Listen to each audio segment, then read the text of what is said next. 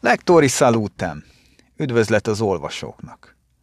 Ugye egy kicsit furcsa talán, hogy latin üdvözlő szöveggel nyitok, egy ilyen klasszikussal. Itt a 21. században, miután már az első ötödén túl vagyunk, azért ez egy elég sajátos dolog. Kicsit ilyen boomer, meg ilyen fura, nem? Bár azért a könyvszakmában ez nem teljesen szokatlan, de, de lehet, hogy éppen ez a furcsaság a szexepéje a podcastjaimnek, meg persze úgy csinálok, mintha tudnék latinul, vagy olyan nagyon lennék, de azért ez nem feltétlenül erről szól. A, az a téma, amiről ma beszélek, igazából kötődik ezekhez a generációs szakadékokhoz, kötődik ahhoz, hogy a fiatalabb generációnak a digitális technika már az élete részévé vált. A digitális technikáról, vagy erről a modern technológiáról van szó, de korán sem szifiről beszélünk, hanem olyan átlagosnak nevezhető novellákról, amiknek a fókuszában van egy kis technikai stik, van valamilyen olyan technikai eszköz, amin keresztül megmutatkozik az általános emberi tulajdonság, a kapcsolatoknak az általános természetrajza. Mécs Anna kapcsolati hiba című novellás kötetéről van szó, amelyért nagyon-nagyon rajongok, és tényleg nagyon jó élmény volt olvasni, nagyon elgondolkodtató volt. Voltak darabok, amiket kifejezetten tetszettek, voltak, amiket nagyon jól felépítettnek, jól szerkesztetnek tartottam, és volt olyan is, amiben maga a technikai érdekesség fogott meg, de hangsúlyozom, nem véletlenül az a címe, hogy kapcsolati hiba, és ugye itt van egy szójátéka az internetes kapcsolatra való utalással, de azért ez elsősorban az emberi kapcsolatokról szól. Tárca novella a műfaj,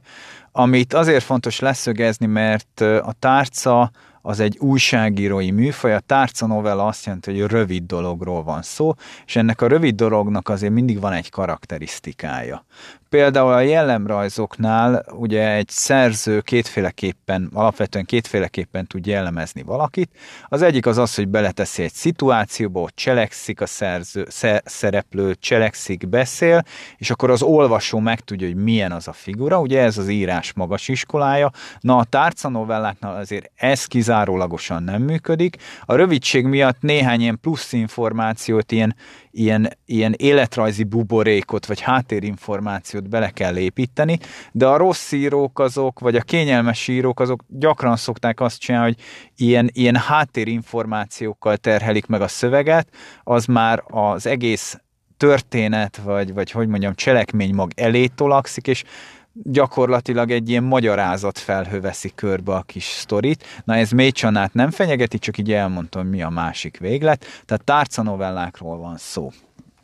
Ö, ezek a könyves blogon megjelentek 2019-ben folyamatosan, és ez ugye abból a szempontból is érdekes, hogy, hogy, hogy, hogy sorozatban születtek, egy tematikus gondolkodás volt így kiadva, mint egy az írónak, és itt néhány szót azért szólok erről a generációról is, amelyik most látszik elindulni. Én nagyon örülök, mert egy csomó tehetséges nem is annyira fiatal író, hanem olyanok, akik a 30-as éveikben vannak, tulajdonképpen 30 és 50 közötti írók most tudnak kibontakozni. Nagyon gyakran szoktam emlegetni azt, hogy a, a 89 környékén a lábukat megvetett, meghatározó magyar, tehát ez, ez a magyar kulturális, meg közéleti térre vonatkozik. Tehát a 89 környéken a lábukat megvetett szereplők, a, a, plusz-minusz öt év, azok olyan szinten kitöltötték a, a magyar közéleti teret, hogy tulajdonképpen megkapaszkodni mellettük nem nagyon lehetett. Ami azt jelenti, hogy mondjuk egy egy-két kötetet kiadni, vagy vagy valahogy így, így, így melléjük férközni lehetett, de úgy Isten igazából ö, arra a, az ilyen stabil írói pozícióra nem lehetett egyszerűen bejutni, de nagyon politikáról, nem tudom, gazdasági életről is szó, mert egyszerűen kitöltötték már a teret, és tulajdonképpen még az újítások megerősödésének sem nagyon maradt itt ö, ö, különösebb szabad levegő molekula. Nyilván ez egy ilyen eléggé elfogult és jobban alátámasztandó állítás, de azért én elég erősen így, így látom, és hát nem véletlenül van néhány olyan szereplő, aki az irodalmi életben, aki mit tudom én, 50 elmúlt, és gyakorlatilag így vagy úgy torzóban maradt a, a, a, pályája, tehát azért nagyon komoly szereplők is vannak ilyenek, de most arra koncentrálok, hogy tényleg Tóth Benedek volt ugye az első Margó Díjas, Mécs Anna is Margó Díjas volt az első kötetével, de itt van a, a tavalyi év nagy, nagy novellista sztárja, mármint így kezdő sztárja, Haraganita, vagy Kis Tibor Noé, akinek idén jelenik meg a harmadik kötete. Nagyon markáns, nagyon erős, nagyon okos, nagyon ügyes írók kezdenek itt elindulni, ami miatt én ezt az egészet fontosnak tartom, hogy három ilyen életszakasz van. Az egyik az az, amikor az ember még nem író, és még bizonytalan abban, hogy író. A másik meg az, amikor már úgy kezdi kapizsgálni ezeket a dolgokat, és aztán a harmadik az, amikor tudja, hogy író volt, vannak írói teljesítmény, és max így izgul azon, hogy, hogy ez az íróság, ez fenntartható-e, vagy nem izgul rajta, de, de, de műveli, és ezek a fiatalok most már beléptek a második szakaszba, amikor már valamit letettek az asztalra, a szánypróbálgatásaik megvoltak, ez tipikusan, ez a kapcsolati hiba is tekinthető egy ilyen szánypróbálgatásnak. Volt egy feladat, ami segített az írói életmódot így fenntartani és vinni előre, és akkor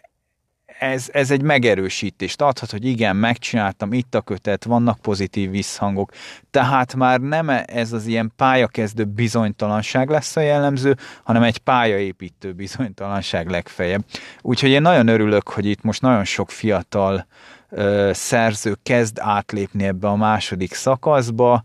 és ö, ez azt jelenti, hogy, hogy mondjam, tehát nem az íróság a kihívás most már rá, hanem a, a saját írói céloknak a kihívását kezdik majd most megélni. Tehát, hogy a beléptek egy térbe, és most elkezdik azt feltérképezni, megismerni, és, és e, ezáltal nagyon érdekes lesz a kibontakozásuk. De most rátérek a novellákra. Tehát a, a könyves blogon jelentek meg, és én tettem már egy olyan magamban is, meg korábban is egy olyan kockázatos kijelentést, hogy a Drexit című novella volt azért ennek az egésznek a csúcspontja, és ahogy néztem a recepciót, kevesen hagyták ki a, a, a, az elemzésükből, vagy egyáltalán a, az értékelésükből a Drexitet. Ez egy nagyon-nagyon fontos, nagyon aktuális, nagyon szépen felépített történet, vagy írás, és ténylegesen mély nyomot hagyott bennem is már a, a könyves blogon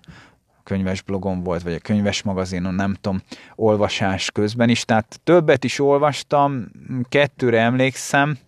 ez, ez az egyik, e, ez ténylegesen mély nyomot hagyott bennem. Most utána néztem, és láttam olyat is, ami kimaradt, meg is értem egyébként, hogy azt a novellát kiadták. Tulajdonképpen az egy kicsit többet akart markolni, ezeknél a, a bekerült írásoknál, mert ott valahogy a, ez az emberi kapcsolat egy kicsit olyan tágabb, képlékenyebb volt, nem egy ilyen jól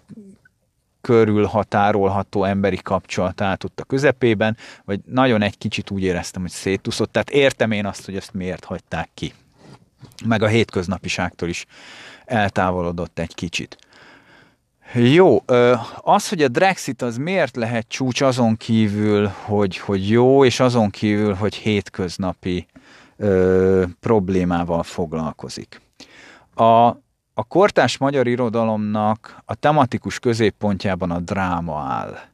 Ö, a dráma, ami alapszinten egy nagyon egyszerű dolog, mindig el szoktam mondani, hogy a bulvárlapok nem véletlenül tudnak fennmaradni, nagyon nem kell hozzá semmit csinálni, csak sorjázni a, a természeti és családi, magánéleti, közéleti katasztrófákat, ezek egy-egy szó, gyilkosság, elhagyás, baleset, stb. És már beindul az olvasóban az együttérzés, a fantáziája dobja fel a dolgokat, a párhuzamokat, az ösztönélet, a félelme az, az előjön, tehát drámát csak elrontani lehet. Természetesen, hogyha stilisztikailag egy magasabb szintre, egy novellára, magas irodalmi szintre toljuk, akkor nyilván ezt nehéz megvalósítani, de mondom, van egy biztos alap, amit drámának hívnak, és akkor a dráma az ki tud teljesedni. Ami, ami, amiben én Mécsonnának az egyediségét látom, az például az, hogy ő tud humoros és szellemes is lenni. Nem csak ötlettel teli, mint ez a Drexit, tehát ez, az okosság az egy csúcs szuper dolog, az is megvan benne, hanem, hanem tud ö, valamiképpen humoros, szellemes lenni. És nagyon örültem a kötetet nyitó, illetve a, nem csak az első, hanem a, a kötet első két novellájának, de talán arra, amit magyarázok, a legelső novella a legjobb példa, ez a robbantott halak. Tehát mint kortás magyar irodalmat olvasó, és különösen novellisztikát olvasó ember rátanultam a szörnyűségekre. Tehát én mindig Svoren Edinát meg Tóth Krisztinát szoktam mondani, én azt gondolom, hogy a kortás ilyen meghatározó novellisztikának ő, ők ketten a, a legmarkánsabb alakjai, akik nagyon jók novellában, és a, az életművük fókuszában is a novellisztika áll, vagy legalábbis, ugye Tóth Krisztánál más is, de hogy a novella is nagyon-nagyon hangsúlyos, nem csak úgy potyognak belőle a novellák, hanem neki ez egy élethivatás. Ö, és mind a kettejüknek a tragédiák, a drámák jell- jellemzik a, a, a műveiket. Úgyhogy itt is elkezdtem olvasni, nagyon szépen fel van vázolva a helyzet, van egy elvált szülőpár, illetve hát itt az anyukát ismerjük meg. Nemrég váltak el, de talán hosszabb folyamat eredményeként a lányuka az elbeszélő, aki 35 éves pár nélküli, de ugye már a modern generációhoz tartozik, és segít a, a netes társkeresésben az édesanyjának. Tehát nagyon jól el vannak potyogtatva az információk, mondom, nincs ez az agyon terhelt dolog, hogy a CV-jét felmondja nekünk, vagy a lelki motivációit megmagyarázza nekünk a, a szerző, hanem úgy szépen be vannak ezek úgy, úgy építve a, az egyes részletek közé, tehát ténylegesen harmonikus a, a felépítése a novellának ebből a szempontból is, és haladunk afelé, hogy itt így érezzük, hogy baj lesz, meg hát megszoktuk, tehát megszoktuk már, hogy baj lesz, hogy van itt egy repedés, jön az író, belenyom oda egy éket, és addig üti, amíg szét nem törik ott minden, és a, a kapcsolat az elemeire hull, és viszi végig ezt a ha, rá, robbantott halak, viszi ezt a halas ö, szimbolikát, ilyen különféle halak vannak, ugye, hogy az időseknél már kevés nem tudom, értékelhető hal van az akváriumban, csak snecik vannak ott, meg az anyám viselkedése az olyan merevvé vált, mint egy fagyasztott, nem tudom, harrúd. Tehát vannak ez, nagyon odafigyelő, nagyon tudatos szerzőről van szó, az itt látszik. És aztán mi, mikor eljutnánk a tragédiához, akkor ez a robbantás, ez egy ilyen szimbolikus, de a mikron belül történik, tehát ez az egész is egy ilyen biztonságos, lezárt dobozka, és röhögés robban ki a két szereplő között, tehát nincs, nincs tragédia, nem üti bele a szerző azt a bizonyosséget, amit az előbb emlegettem, hanem van egy ilyen feloldása a dolognak, és azért tartom ezt fontosabbnak, mert a következőben a Lorenzo bejut a várba, ott nincs kiélezve ennyire ez a tragédia helyzet, az egész sokkal lefolytottabb, ott. Azt várjuk, hogy valamilyen befelé forduló, nem tudom, önmarcangolás történik, vagy én ezt vártam legalábbis. Egy, egy, egy, egy a párkapcsolatról van szó, amely már a kezdeti szakaszán túljutott, gyakori benne a, a távkapcsolati rész, amikor a férfi az külföldön van, de kiderül, hogy a nő direkt nem lóg a nyakán, hanem éli ilyenkor az életét van időeltolódás is a kapcsolatukban, és hát Lorenzo egy modern, okos vibrátor, úgyhogy egy kicsit ilyen faramúcian humoros a helyzet, tehát szinte ilyen karikatúraszerű, de nem az erit, tehát hogy valahogy az erotikák semmiféle szerepe nincs, ezt nagyon fontos hangsúlyozni, bár ez megint egy ilyen szélső állítás, nem, nem, nem erotikus novella, inkább így mondom, mert nyilván van szerepe, de az egész olyan nagyon finom humorral közelít ezek felé az ilyen ö, gyermektelen, de nagyon egymáshoz ragaszkodó, viszont azért nem egy érzelmi biztonságban élő párok felé, de itt sem arról van szó, hogy hogy marják szét egymást, hanem a megértés, az igazodás, az önmagunk furcsaságának, meg a másik furcsaságának az elfogadása sokkal erősebb, és nagyon vicces is, ahogy, ahogy ennek az online térnek a korlátozottsága bizonyos előnyöket és bizonyos hátrányokat jelent a, a párkapcsolat számára, de mondom, ott nem olyan éles ennek a, nem, nem olyan éles a tragédia helyzet. Tehát jó, benne van, a, úgy, úgy várom, hogy akkor egy ilyen szakítás felé jut el a dolog, de nem ez a lényeg, és sokkal humorosabb, ugye már maga a helyzet is egy sokkal viccesebb helyzet, de az elsőnél ott kifejezetten benne van az, hogy elváltak a szülők, és én is összeveszek az anyámmal, ugye az elbeszélő szemszögéből, de nem történik semmi,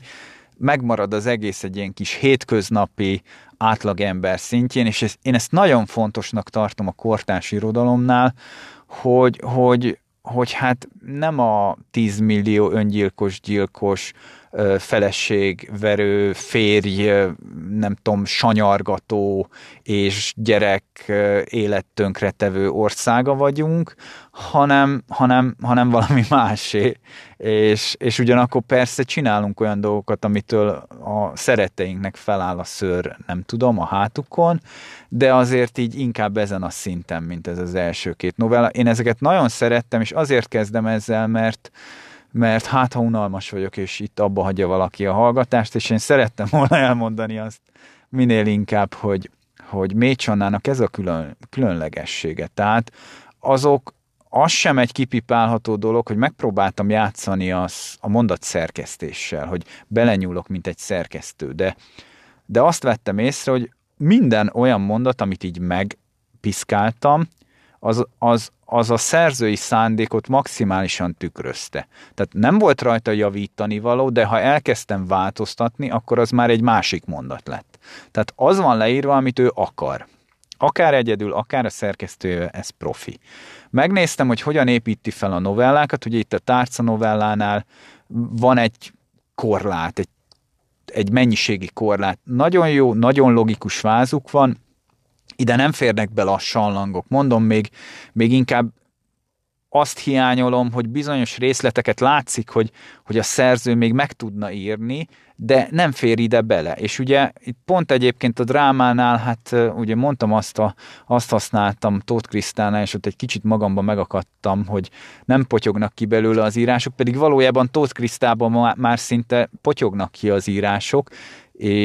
mindegyik jó, mindegyik profi, de az ötödik után néha én azt érzem, hogy, hogy a hatodik ugyanolyan, mint az elsőt. Ugye Mécs Anna nem ilyen, tehát ő még nem ezzel a profizmussal űzi ezt, hál' Istennek, és mindegyik egy kicsit más, de pontosan azt éreztem, hogy, hogy az ilyen Tóth Kriszta féle rövid szocionovellákkal nem lehet azonosulni, mert nem vonódik be ennyi idő alatt az ember. Tehát ugyanolyan marad, mint egy Blick újságcikk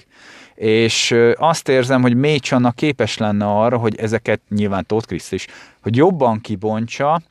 és Mécsannában meg is van a hajlam is erre, én azt látom, csak a terjedelmi korlátok egyszerűen megakadályozták, hogy jobban kibontsa ezeket az érzelmi szálakat, vagy akár a narratív egyéb történeti szálakat, ott le kellett itt ott csípnie. Úgyhogy ezért én kiemelem a következő novellát, a Sirályt. Ez a legkülönlegesebb darab az egészben, ez az egyetlen olyan, aminek nem egy, hát a többinek azt mondom, hogy nagyon lineáris kis menete van, de ez mondom terjedelem függő ebben vannak ilyen kis oldalleágazások. Tulajdonképpen úgy megy előre, mint ahogy a gyerek rajzolja a karácsonyfát, hogy kicsit balra elindul, aztán vissza jobbra, aztán balra. Tehát nyilván megyünk fel a karácsonyfa csúcsa felé, de mégis ilyen kis kilengések vannak benne, egy kicsit didaktikus a, a vége, azért ugye ez a sirályot mindenképpen egy szimbólum, de ténylegesen valami olyasmi helyzetet látunk, hogy, hogy van egy pár, és a női főszereplő szemén, fülén, érzékszervein keresztül látjuk a kapcsolatukat, látjuk a férfi habitusát, a női elbeszélő helyzetét, de itt van az,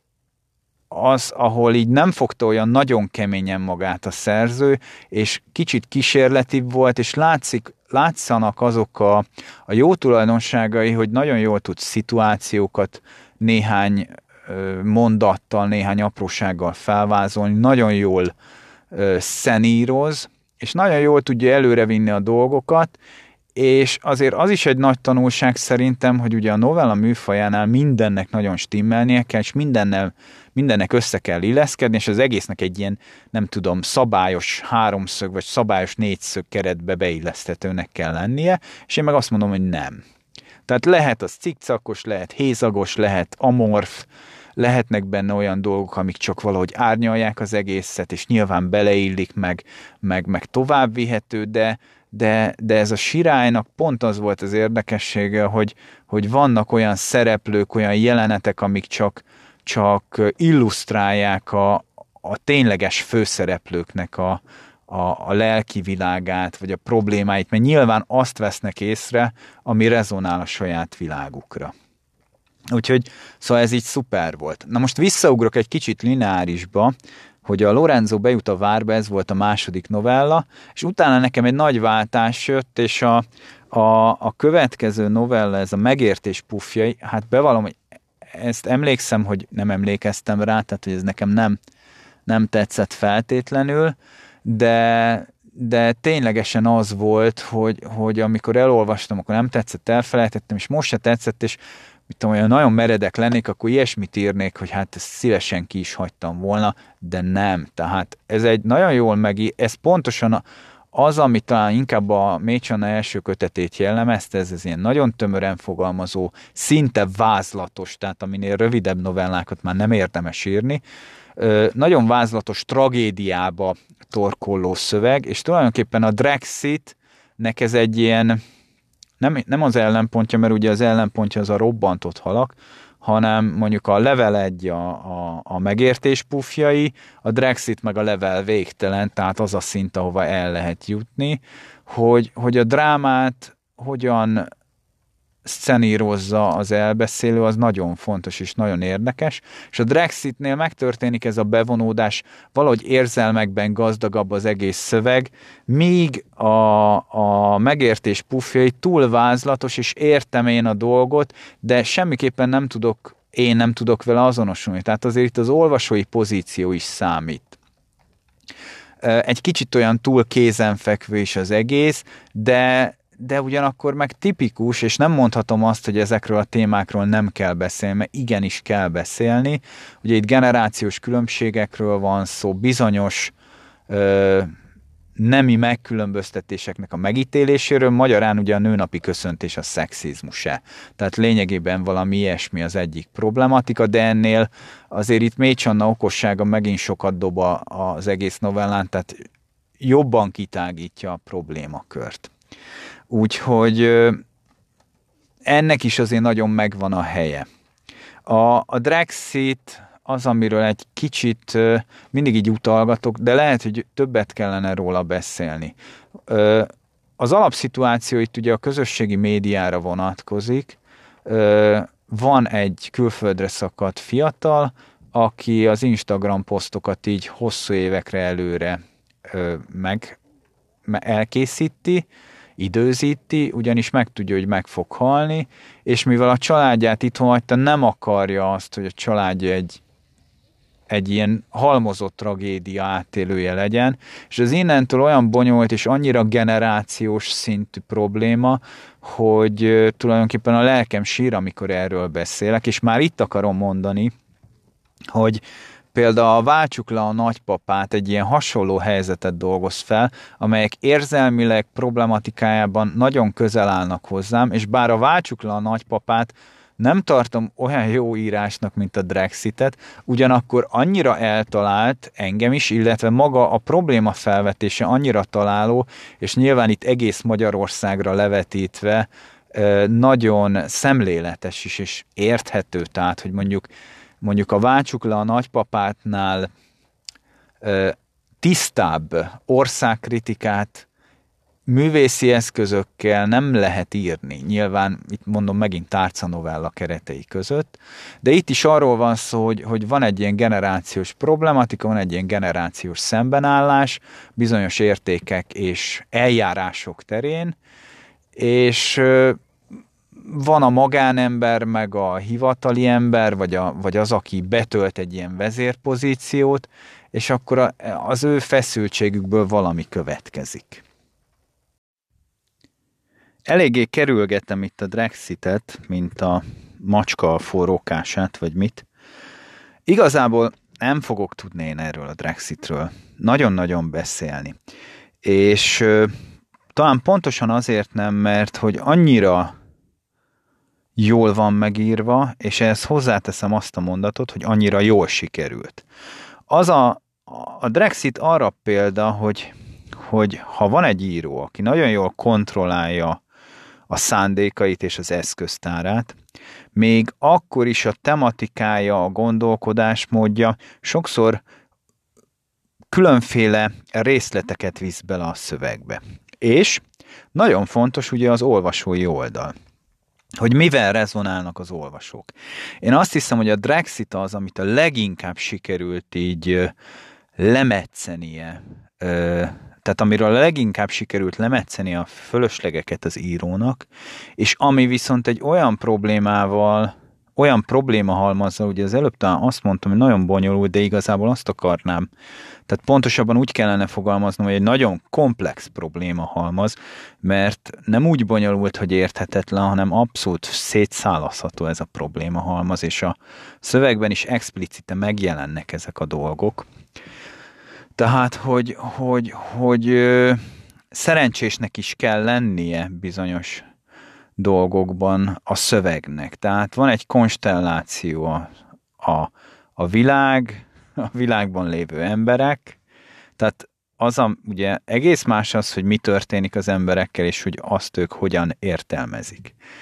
És az író is látja, amik történnek, és azt is látja talán, hogy hogyan értelmezik. Szóval a Drexit az ténylegesen le van csupaszítva. Egy elbeszélője van. Annak egy életmozzanata van, amiben ő alapvetően magányos, és a viszonyai azok képlékenyek, és az egészben az a legjobb, hogy őt nem pusztán a szüleihez fűzi viszony, hanem ő egy tipikus életsors, és megjelenik explicite, hogy ugye ő, ő Instagramon jelen volt aktívan, és sok követője volt, reagáltak rá ö, a vele egykorú külföldön élő nők talán, ott, ott mintha az lenne kiemelve, de a szülői korosztály is követte, és ő egy, egy exemplum, egy példa volt arra, ami egy jellegzetes életforma ma Magyarországon. Tehát ugye nagyon sokat beszélek arról, hogy, hogy ez itt a magyar szövegkereten belül hogyan értelmezhető, hogy bizony itt van egy olyan 30-as éveiben járó ö, generáció, akik ö, többé-kevésbé felkészültek arra, hogy ne legyenek bezárva Magyarországra. Tehát, hogy valamilyen szinten beszélnek nyelveket. Vannak jó képességeik, jól képzettek, kritikusak, átgondoltak, jó a probléma megoldó képességük, tehát képesek külföldre menni. Nem feltétlenül mennének el külföldre, de így vagy úgy kénytelenek elmenni külföldre, mások persze nem mennek el külföldre, tehát ez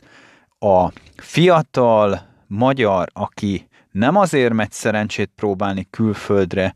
mert az olyan vonzó a számára, hanem annyira taszító az itthoni közeg, hogy inkább elmegy külföldre szerencsét próbálni, és ugye ez az, ami explicite megjelenik a Váltsuk le a Nagypapát című szöveg végén is, hogy hát én inkább elmegyek Németországba, és ezek meg pukkadjanak meg, én is jobban járok, mert a pénzemből nem kell adóznom nekik. Szóval ez egy nagyon-nagyon érdekes dolog, és ha végig tekintem a, az összes szöveget, van egy nagyon érdekes dolog, ami egyszer strigulákat kéne húznom, hogy hányszor mondom azt, hogy érdekes, meg, meg hogy arról van szó. Tehát biztos van még egyéb is. Ö, ha a szövegeket nézem, akkor a tipikus elbeszélő az mondjuk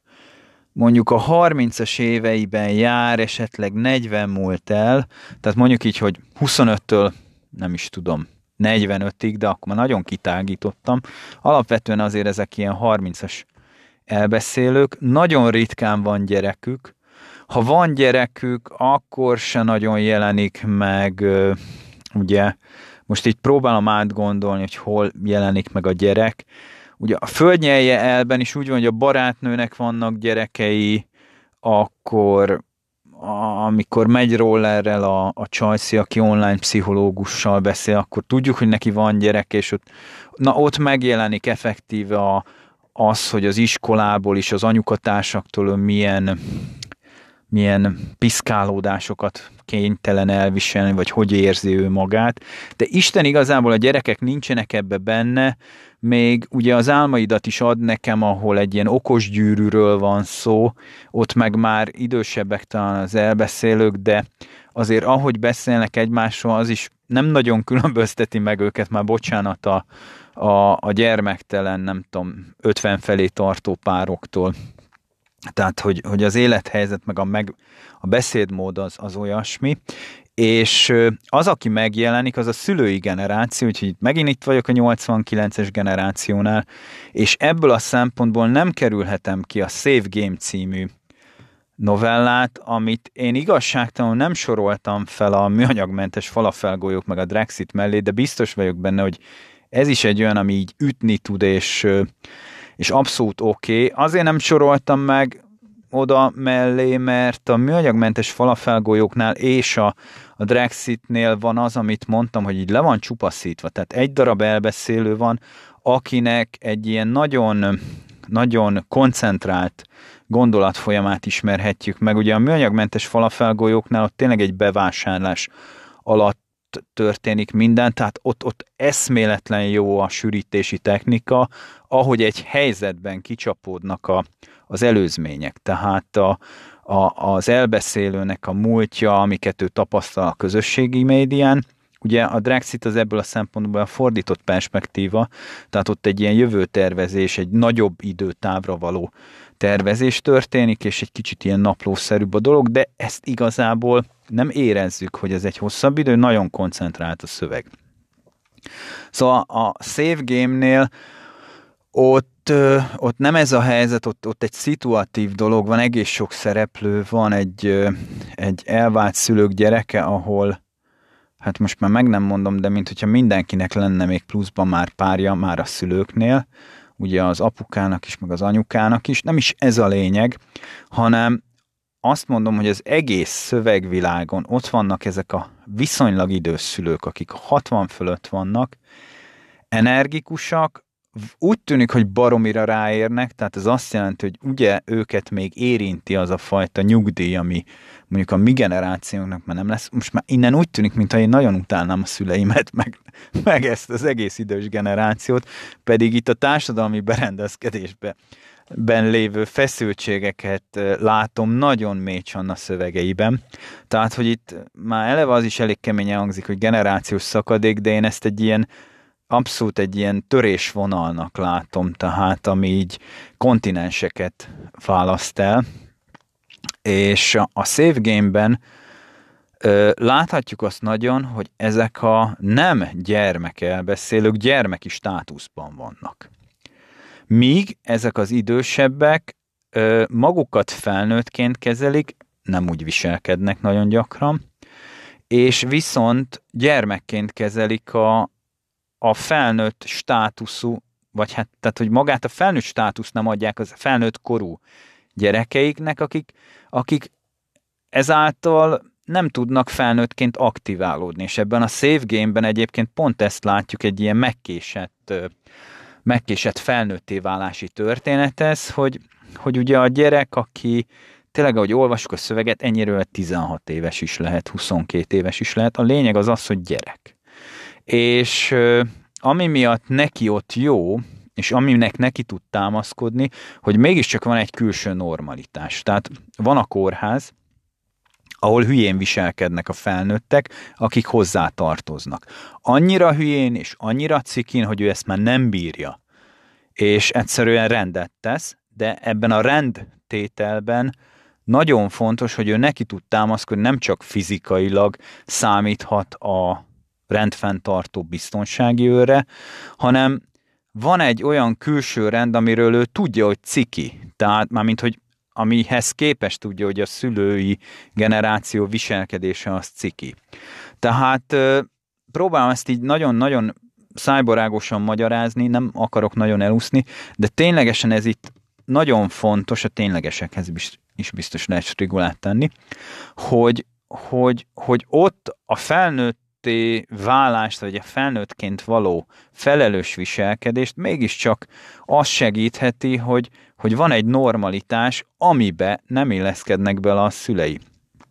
Míg a váltsuk le a nagypapádban, ott ugye az a szörnyű, hogy nincs külső normalitás, mert az egész keretrendszer az úgy, ahogy van, abszurd, elfogadhatatlan, és ki kell belőle lépni, ezen a ponton azt nem, nem lehet fenntartani. És igen, igen, igen, igen. Jó, a, alig van olyan történet, ahol a szülői generáció pozitív szerepet tölt be, mit tudom, a kodokushi, sikerült kimondani, nem vagyok tájékozott a japán kultúrában, meg a, mármint az étkezésben, elég ilyen egyszerű dolgokat szoktam menni, úgyhogy nem értettem, hogy a makit hogy lehet betekerni, de aztán megnéztem, hogy ez is egy kaja, és semmi köze nincs a majomhoz. Szóval a Kodokusiban legalább ott van egy olyan anyuka, aki nem, nem ellenség, hanem maximum egy előző generációból maradt megértésre szoruló, de maga is egy kicsit olyan megértő jellegű őskövület, aki, aki a technológiai újításokkal szemben nem, nem teljesen ellenséges, ezt így érdemes lenne elemezgetni, de ezt most ténylegesen csak kivételként szerettem volna felhozni, hogy, hogy tulajdonképpen ez az idősebb generáció abszolút akadályként jelenik meg ezekben a, a novellákban, és ez nagyon érdekes. Tehát, hogy nem, leküzdendő akadályként, tehát nem olyan, ami, amivel van valami minimál konfliktus, vagy ami közönyös, meg nem értő, stb., hanem kifejezetten olyan, amit, ami, amit hogyha nem küzdesz le, akkor viszont ők tartanak téged lenyomva. Szóval ez, ez, ez egy nagyon furcsaság volt nekem, hogy így áttekintettem az egészet. Ö, jó, igazából csak azért, hogy beszéljek novellákról, azért nem akarok beszélni, de, de, de például a prémium felhasználókban is ott volt ez az idős ember, aki, aki, akivel volt egy ilyen szimpátia kapcsolata az elbeszélőnek, de ő az, aki így legyőzi a régi normalitás jegyében. Amit mondtam, már nagyon dicsértem az okosságát, hogy nem egy primkó szituációt vesz elő a, az elbeszélő, tehát Mély Csanna, hanem arról van szó, hogy hogy lehet olyan jellegű, nem tudom, beszédszoftvert mondjuk betölteni, ami segít beszélni, de ugyan, ugyanúgy, ahogy a YouTube-on, meg a mindenféle ilyen mondjuk az előfizetés nélküli Spotify-on jönnek időnként reklámok, és a felvételizőnek, a munkahelykeresőnek 200 szavas limitje van, utána jön a reklám, és ez az idős fazon, aki valamiképpen ezt az egészet csalásnak tartja. Tehát nem a modern technológiai, tehát ugye ez mindig egy ilyen érdekes kérdés, hogy a GPS használatától én elhűlök-e. Én nagyon szeretem a GPS-t, és azt gondolom, hogy nem hűlök el tőle, meg az internettől se. Tehát itt is valamiképpen rafináltan az jelenik meg, hogy vajon ha ilyen beszédszoftvert használunk, akkor nem vagyunk igazi emberek, és nem az igazi tudásunkat használjuk. De persze ez egy ilyen nagyon jó kérdés, hogy mi az igazi tudás, és ebből a szempontból ezt a vénmuksót, aki bokárug még mindenkit, és igazából már a, a, a felvételiztető társai sem szeretnék, hogy ez a vénmuksó ott így ö, hagyja, hozzájáruljon ahhoz, hogy, hogy, hogy ez az igazság kiderüljön, mert ugye tudjuk, hogy akik, ők már pozícióban vannak, tehát nekik már ők, ők a prémium felhasználók, tehát két kivétel, a két kivétel beszél. Szóval ez, így, ez így, ez egy nagyon kis szuper probléma. Ö, egyébként azt elmondom, hogy még egy dologra emlékszem, a menekülő állatokra, ezzel nem azért, azért emlékszem rá, a, úgy értem a könyves magazinos korából, hát igen, lehet, hogy csak azért beszélek róla, mert azóta kapcsolati libának hívom magamban e, e, ezt a kötetet, már ami, ami tökre nem találó, csak itt a főszereplő miatt. Egy nagyon fura főszereplője van, és ez igazából a női szorongás nem is. Ez nagyon durva és szexista megjegyzés, biztos. Tehát a, a, a, a vezető pozícióban lökött ember szorongásáról szól, viszont nem elhanyagolható az a tény, hogy itt van egy háttérmozgató férfi figura, aki belökte a vezető pozícióba ezt a női figurát, és igazából itt egy áldozat, áldozat kreálás történt ezáltal. Ez is egy nagyon érdekes pszichológiai felállás, és ugye pont egy olyan tréning van, ilyen csapatéti építő tréning, ahol ilyen pszichés dolgokkal mahinál a, a tréningvezető, a szerepek, a, a betöltött szerepeknek a valódiságáról van szó, hogy az online meg a valós világban azok mennyire működnek, illetve hogy lehet, hogy az onlineban sem működnek, csak a valós világban egy olyan szituációt generál ez a, ez a coach, ez a tréner, amiben több minden kiderül, legalábbis így az elbeszélő személyén keresztül. Jó, én azt hiszem, nagyon sokat beszéltem itt a novellákról. Látszik, hogy, hogy, hogy mennyire érdekesnek találtam őket. Tényleg azt gondolom, hogy elvétve van olyan kis apróság, amibe úgy akadtam volna bele, hogy na ez, ez szájbarágos, nem tudom, az örök panorámát azt nem szerettem különösebben, azt, azt egy kicsit túl egyszerűnek találtam, de biztos vagyok benne, hogy, hogy valakinek az is és tetszik, és egyébként maga ez a fajta élethazugság, meg látszatlét dolog, hogy online mit lehet fenntartani, nagyon kapcsolódik ugye a menekülő állatok problémájához. Tehát azért én azt látom, hogy, hogy Mécsana nagyon jól végig gondolta ez alatt az egy év alatt, vagy nem tudom mennyit foglalkozott a szövegekkel, az online világunkban rejlő problémákat. Valószínűleg azt nem tudatosította magában, amiről én beszéltem, és ténylegesen a szövegben e, e, erre nagyon jó példák találhatók, hogy milyen generációs ellentétek jönnek elő, és hogy, hogy ez a 30-as elbeszélői generációs réteg ez mennyivel másabb, és még az se jelenik meg egyébként ebben, hogy ugye itt van már egy fiatalabb, sikeresebb ezt az egész online világot, hogy mondják, készségszinten használó generáció, ami adott esetben a nagypapának is meg tudja adni, ami a nagypapáé, meg nem tudom, magának is meg tudja adni, ami magáé. Úgyhogy én ajánlom mindenkinek a figyelmébe ezt a kötetet, azt is, amit általában novella olvasásnál én is el szoktam követni a hibát, tehát, hogy tanácsolom mindenkinek, bár én se tartom be, hogy nem szabad, hogy van, gombózból is sok az, de nem szabad ezt így egy ültőhelyünkbe végigolvasni. Kettesével, hármasával sose tartom be én se, de, de cserébe ezt legalább így mondjuk háromszor végigolvastam. Úgyhogy vannak benne nagyon jó dolgok, és én a sirályt tényleg nagyon szerettem, az első kettőt különösen szerettem, és várom azt, hogy, hogy a szárnybontogatások után Mécsanna hogyan fog tovább szárnyalni, és ez sok sikert is kívánok neki. Jó olvasást mindenkinek!